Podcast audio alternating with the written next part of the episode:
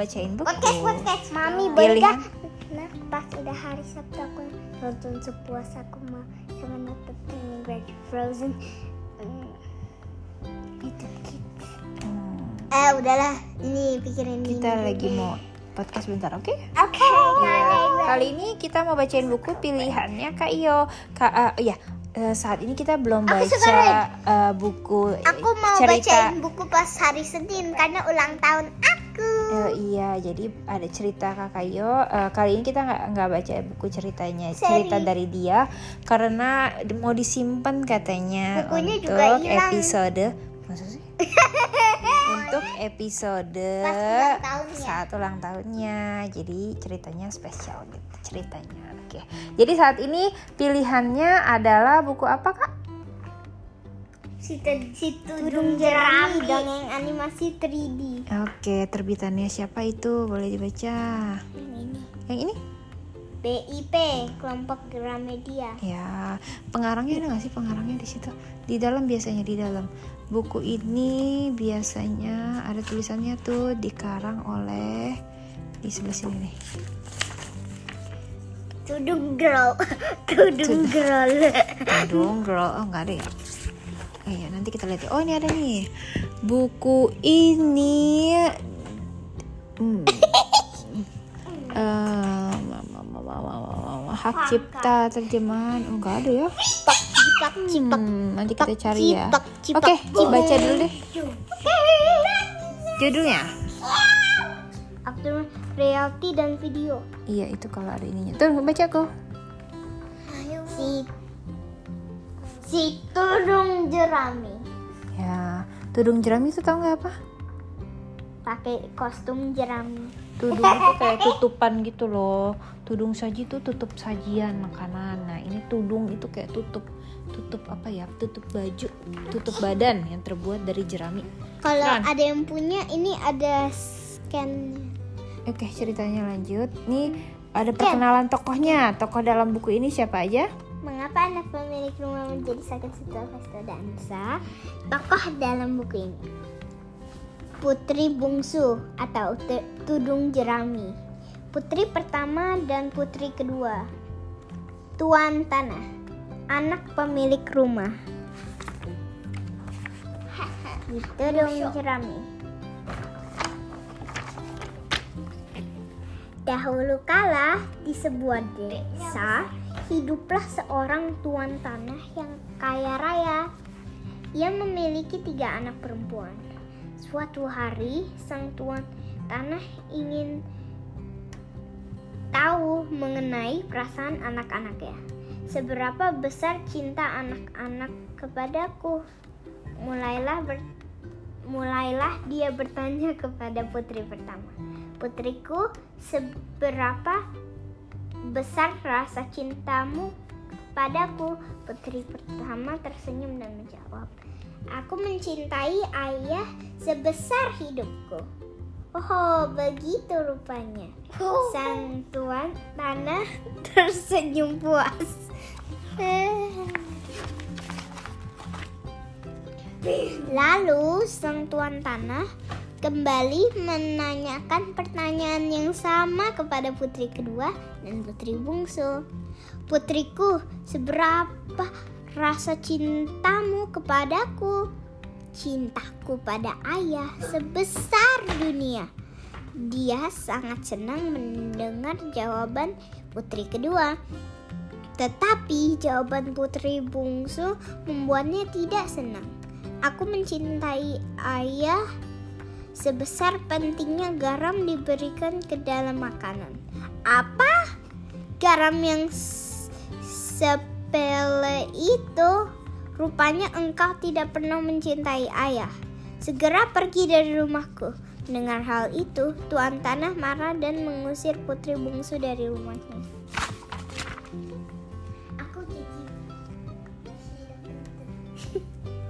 Setelah diusir, putri bungsu tidak tahu akan pergi ke mana. Dia tidak mengetahui tempat lain selain rumah. Sekarang dia tidak memiliki tujuan. Ah, sekarang aku harus pergi ke mana? Putri bungsu berjalan pelan dan mulai mengikuti jalan. Sejauh apa dia telah berjalan? Di hadapannya terhampar rumputan yang subur dan tampak danau besar. Dia memotong dan menjalin rumput rumput hendak membuat tudung dan jubah untuk menutupi dirinya. Pakaian yang sangat sederhana dan tidak menarik. Setelah diusir dari rumah, apa gunanya aku memakai baju bagus? dengan tudung dan jubah yang terbuat dari jerami. Dari jerami, putri bungsu menutupi kecantikannya. Penampilannya berubah menjadi seder, sederhana dari ujung kepala hingga ujung kaki. Putri bungsu pun kembali berjalan. Sejauh apa dia telah berjalan, tiba-tiba terlihat rumah yang sangat besar jauh di sana. Ups. Putri bungsu mengumpulkan keberaniannya untuk memasuki rumah besar itu. Dia memohon untuk bertemu dengan pemilik rumah. Apakah Anda membutuhkan pekerja? Tanya putri bungsu kepada pemilik rumah. Tidak, kami tidak membutuhkan pekerja. Sebenarnya saya tidak memiliki tujuan. Izinkan saya tinggal di sini. Saya akan mengerjakan semua pekerjaan yang akan diberikan. Tidak diberikan upah pun tidak apa-apa. Jika engkau mau mengerjakan pekerja apa pun, baiklah. Demikianlah putri bungsu tinggal di rumah besar tersebut dengan sehari-hari bekerja membersihkan rumah. Karena tidak memberitahu namanya, orang-orang memanggilnya Tudung Jerami.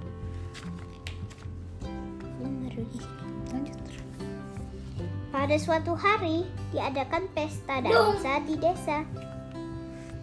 Semua pekerja di rumah mendapatkan izin untuk menghadiri pesta tersebut. Semua orang meninggalkan rumah untuk pergi menuju tempat pesta. Tudung jerami berkata, "Aku sangat lelah. Aku akan menjaga rumah dan beristirahat." Saat tidak ada orang lagi di rumah, tudung jerami melepaskan tudung dan jubah jeraminya. Penampilannya pun kembali seperti semula. Sekarang haruskah aku ke pesta dansa? Pesta itu dipenuhi dengan wanita-wanita yang berdandan cantik. Tapi tidak ada yang dapat menan menandingi menandingi kecantikan tudung jerami. Siapakah gadis itu? Ini pertama kalinya ada gadis yang sangat cantik di desa ini. Orang-orang yang menghadiri pesta dansa memuji kecantikan tudung jerami. Ternyata kecantikan tudung jerami menarik perhatian seorang lelaki sejak pandangan pertama. Dia adalah anak pemilik rumah tempat tudung jerami bekerja. Ternyata di dunia ini ada gadis cantik ini, kata lelaki itu di dalam hati. Anak pemilik rumah tidak dapat melepas melepaskan pandangannya dari tudung jerami. Banyak gadis yang ingin berdansa dengan anak pemilik rumah, namun berulang kali dia menggelengkan kepalanya tanda menolak. Ya, aja. Sebelum pesta dansa berakhir, Tudung Jerami segera meninggalkan tempat pesta pesta dan kembali ke rumah. Ke mana perginya gadis cantik tersebut? Tudung jerami telah berada di rumah. Saat orang-orang kembali ke rumah, dia telah memakai tudung dan jubah jeraminya dan berpura-pura tidur. Dia tidurnya juga pakai jerami. Gatel gak sih? Nusuk-nusuk kayaknya. Iya kan, gatel-gatel Hmm. Keesokan harinya Enggak orang sih. Esokan harinya orang-orang rumah membicarakan gadis cantik di pesta dansa. Hai, tudung jerami. Jika kamu mau melihat gadis itu, pasti kamu juga akan menyukainya. Gadis itu sangat cantik.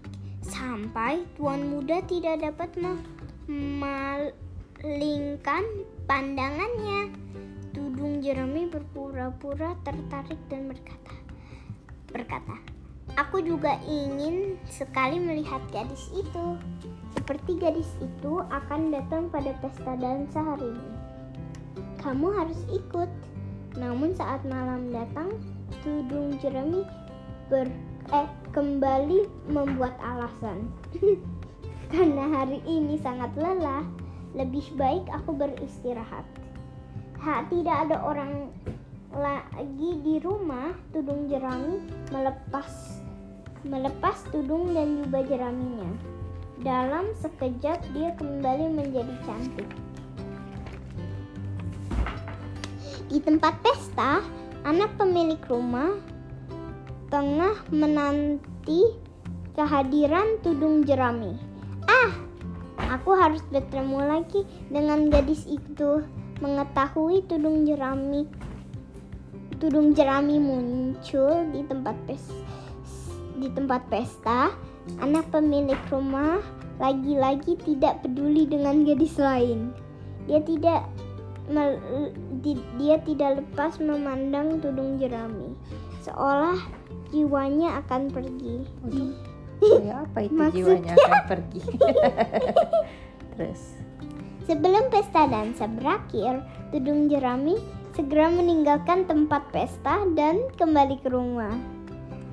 Dia kembali memakai tudung dan jubah jeraminya dan berpura-pura tidur sebelum orang lain datang. Kenapa dia tidur pakai jerami? tahu gatel kan itu?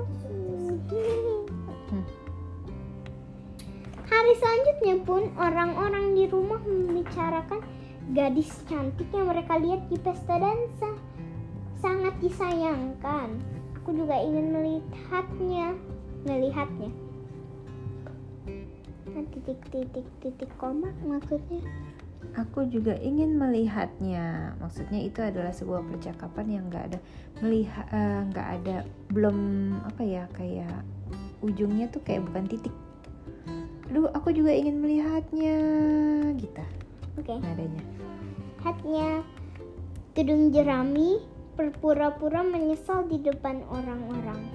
Karena ini hari terakhir pesta, kamu harus pergi bersama kami. Dengan begitu, kamu dapat melihat gadis tersebut. Saat malam datang, tudung jerami kembali membuat alasan. Tubuhku sangat lelah, seperti aku tidak bisa pergi ke pesta dansa. Lalu dia mengucapkan salam kepada orang-orang yang hendak pergi ke pesta.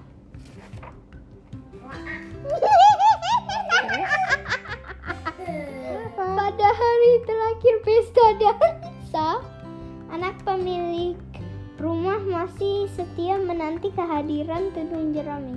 Saat saat tudung jerami datang, ta- tanpa ragu dia bertanya, "Siapakah namamu? Di mana tempat tinggalmu?" Tetapi tudung jerami sama sekali tidak menjawab. Anak pemilik rumah telah mempersiapkan cincin untuk diberikannya. Terus, Dari mana itu? Diberikannya kepada tudung jerami.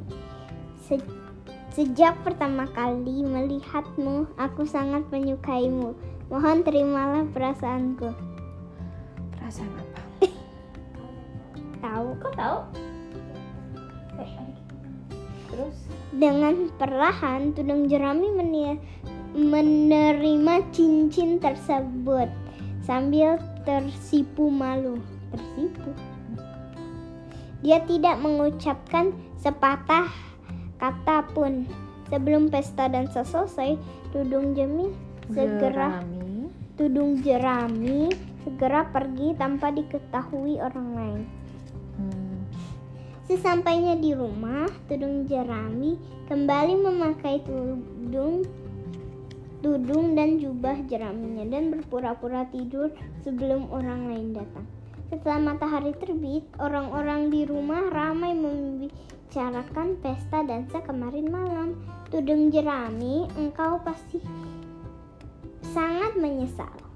Pesta dansa sudah berakhir. Tudung Jerami menjawab dengan terburu-buru. Iya, sangat menyesal. Padahal aku juga ingin pergi ke pesta dansa. Sementara itu, anak pemilik rumah menghabiskan banyak waktu wak- waktu untuk mencari gadis cantik dari tempat pesta. Padahal dia sudah bertanya kepada semua orang, tetapi tidak ada yang mengetahui mengenai kabar gadis itu. Anak pemilik rumah larut dalam kesedihan. Apakah ini berarti berarti aku tidak dapat bertemu dengan gadis itu lagi? Karena sangat sedih, anak pemilik rumah jatuh sakit dan hanya berbaring di ranjang. Aneh, Tempat tidur. aneh tahu sedih doang malah jadi sakit. Sedih banget. Terus terus lanjut. Pemilik rumah pun memanggil Koki dan berkata, "Tolong masakkan bubur untuk anakku." Dia sangat ingin bertemu dengan gadis itu sampai-sampai sampai-sampai tidak mau makan. Dia panggil Koki padahal dia nggak mau makan. Jadi ngapain dipanggil kokinya ya? Ketika Koki sedang memasak bubur, Tudung Jerami menghampiri dan berkata, Bolehkah aku yang memasak bubur tersebut? Mul- mulanya sang Koki menolak. Namun karena Tudung Jerami terus memohon, akhirnya Koki mengizinkan Tudung Jerami untuk memasak bubur. Tudung Jerami memasak dengan hati-hati. Dia memasukkan cincin ke dalam bubur masakannya itu. Cincin itu adalah cincin yang diberikan oleh anak pemilik rumah. Koki Hmm. Koki pun membawa bubur yang telah dimasak oleh Tudung Jerami kepada anak pemilik rumah. Tuan muda, saya membawa bubur. Makanlah agar tuan cepat pulih. Koki meletakkan bubur tersebut dan pergi. Anak pemilik rumah baru saja terbangun. Saat anak pemilik rumah makan bubur, dia sangat kaget. Di dasar mangkuk terdapat sebuah cincin. Bukankah cincin ini? Anak pemilik rumah menuju pintu dan dengan suara lantang berkata, Koki, cepat panggilkan Koki. Kenapa Koki ya? Koki itu adalah tukang juru masak, juru masak. Masak. Bukan ikan mas koki ya. Koki yang tidak mengetahui apa-apa segera berlari menuju kamar. Anak pemilik rumah bertanya, siapa yang telah memasak bubur ini? Koki tersebut sangat kaget dan akhirnya berbohong. Tentu saja saya yang memasaknya. Anak pemilik rumah melihat mm, melihat ke arah Koki dengan tajam. Tolong katakan dengan jujur, hal ini sangat penting bagiku. Sese- se- sebenarnya seorang pekerja di rumah ini yang bernama Tudung Jerami yang memasaknya. Seketika itu juga anak pemilik rumah berteriak, "Se- segera panggilkan Tudung Jerami. Setelah Tudung Jerami memasuki kamar, anak pemilik rumah sebenarnya bertanya, apakah kamu yang memasak bubur ini dan da- dari mana engkau mendapatkan cincin ini? Dari orang yang telah memberi hatinya padaku. Anak pemilik rumah sangat terkejut. Siapa sebenarnya dirimu? Tanpa berkata-kata, tudung jerami melepas melepas tudung dan jubah jeraminya. Kecantikannya kembali terlihat. Anak pemilik rumah segera berdiri dari tempat tidur tempatnya karena dapat bertemu gadis impiannya. Maukah engkau menikah denganku? Tanya anak pemilik rumah kepada tudung jerami. Tudung jerami menerima lamaran tersebut dengan senang hati. Oh my god.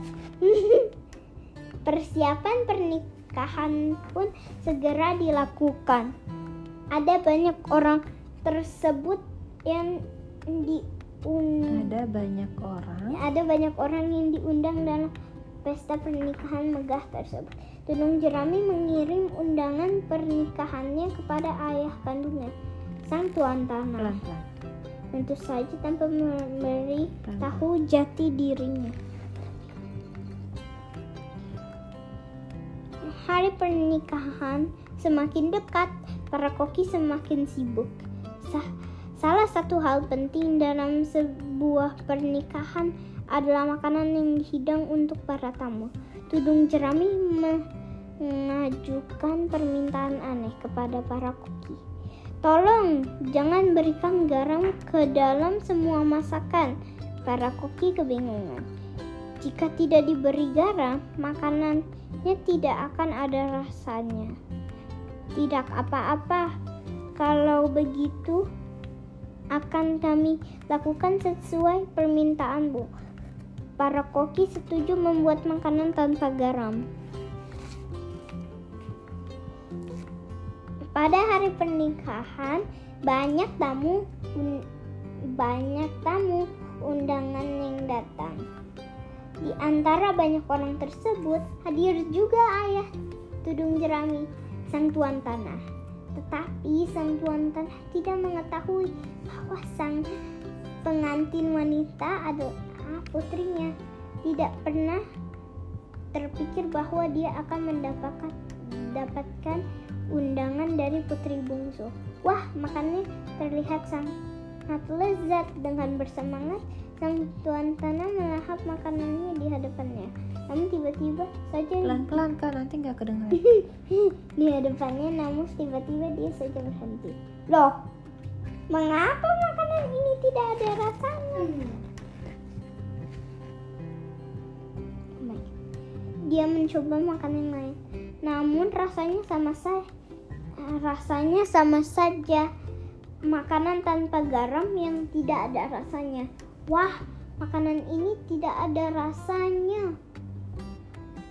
Wah, eh, makanan ini ada rasa as Tidak, tidak ada rasa asinnya. Hmm. Hmm, makanan tidak ada rasanya. Perkataan putri bungsu rupanya dia sangat mencintaiku sebesar pentingnya garam yang diberikan ke dalam makanan. Sang tuan tanah mulai menangis. Anak pemilik rumah yang melihat tamunya menangis segera menghampiri dan berkata, "Mengapa engkau menangis?" Pelan-pelan. Mengapa, Mengapa engkau engkau menangis? menangis? Ia lalu menceritakan tentang putri bungsu. Ternyata. Ternyata putri bungsuku bukannya tidak mencintaiku, namun dia mencintaiku lebih dari siapa pun. Aku yang tidak mengetahui kebenarannya, malah mengusirnya. Kini sang tuan tanah menyadari akan perasaan putri bungsu. Aduh, kasihan sekali putri bungsuku. Di mana dia berada sekarang? Saat itu juga putri bungsu berlari menuju sang tuan tanah dan berkata, "Ayah, aku di sini." Sang tuan tanah tak amat terkejut. Ternyata kamu masih hidup. Sang tuan tanah dan putri bungsu saling berpelukan. Sejak hari itu, putri bungsu dan anak pemilik rumah serta sang tuan tanah hidup bahagia.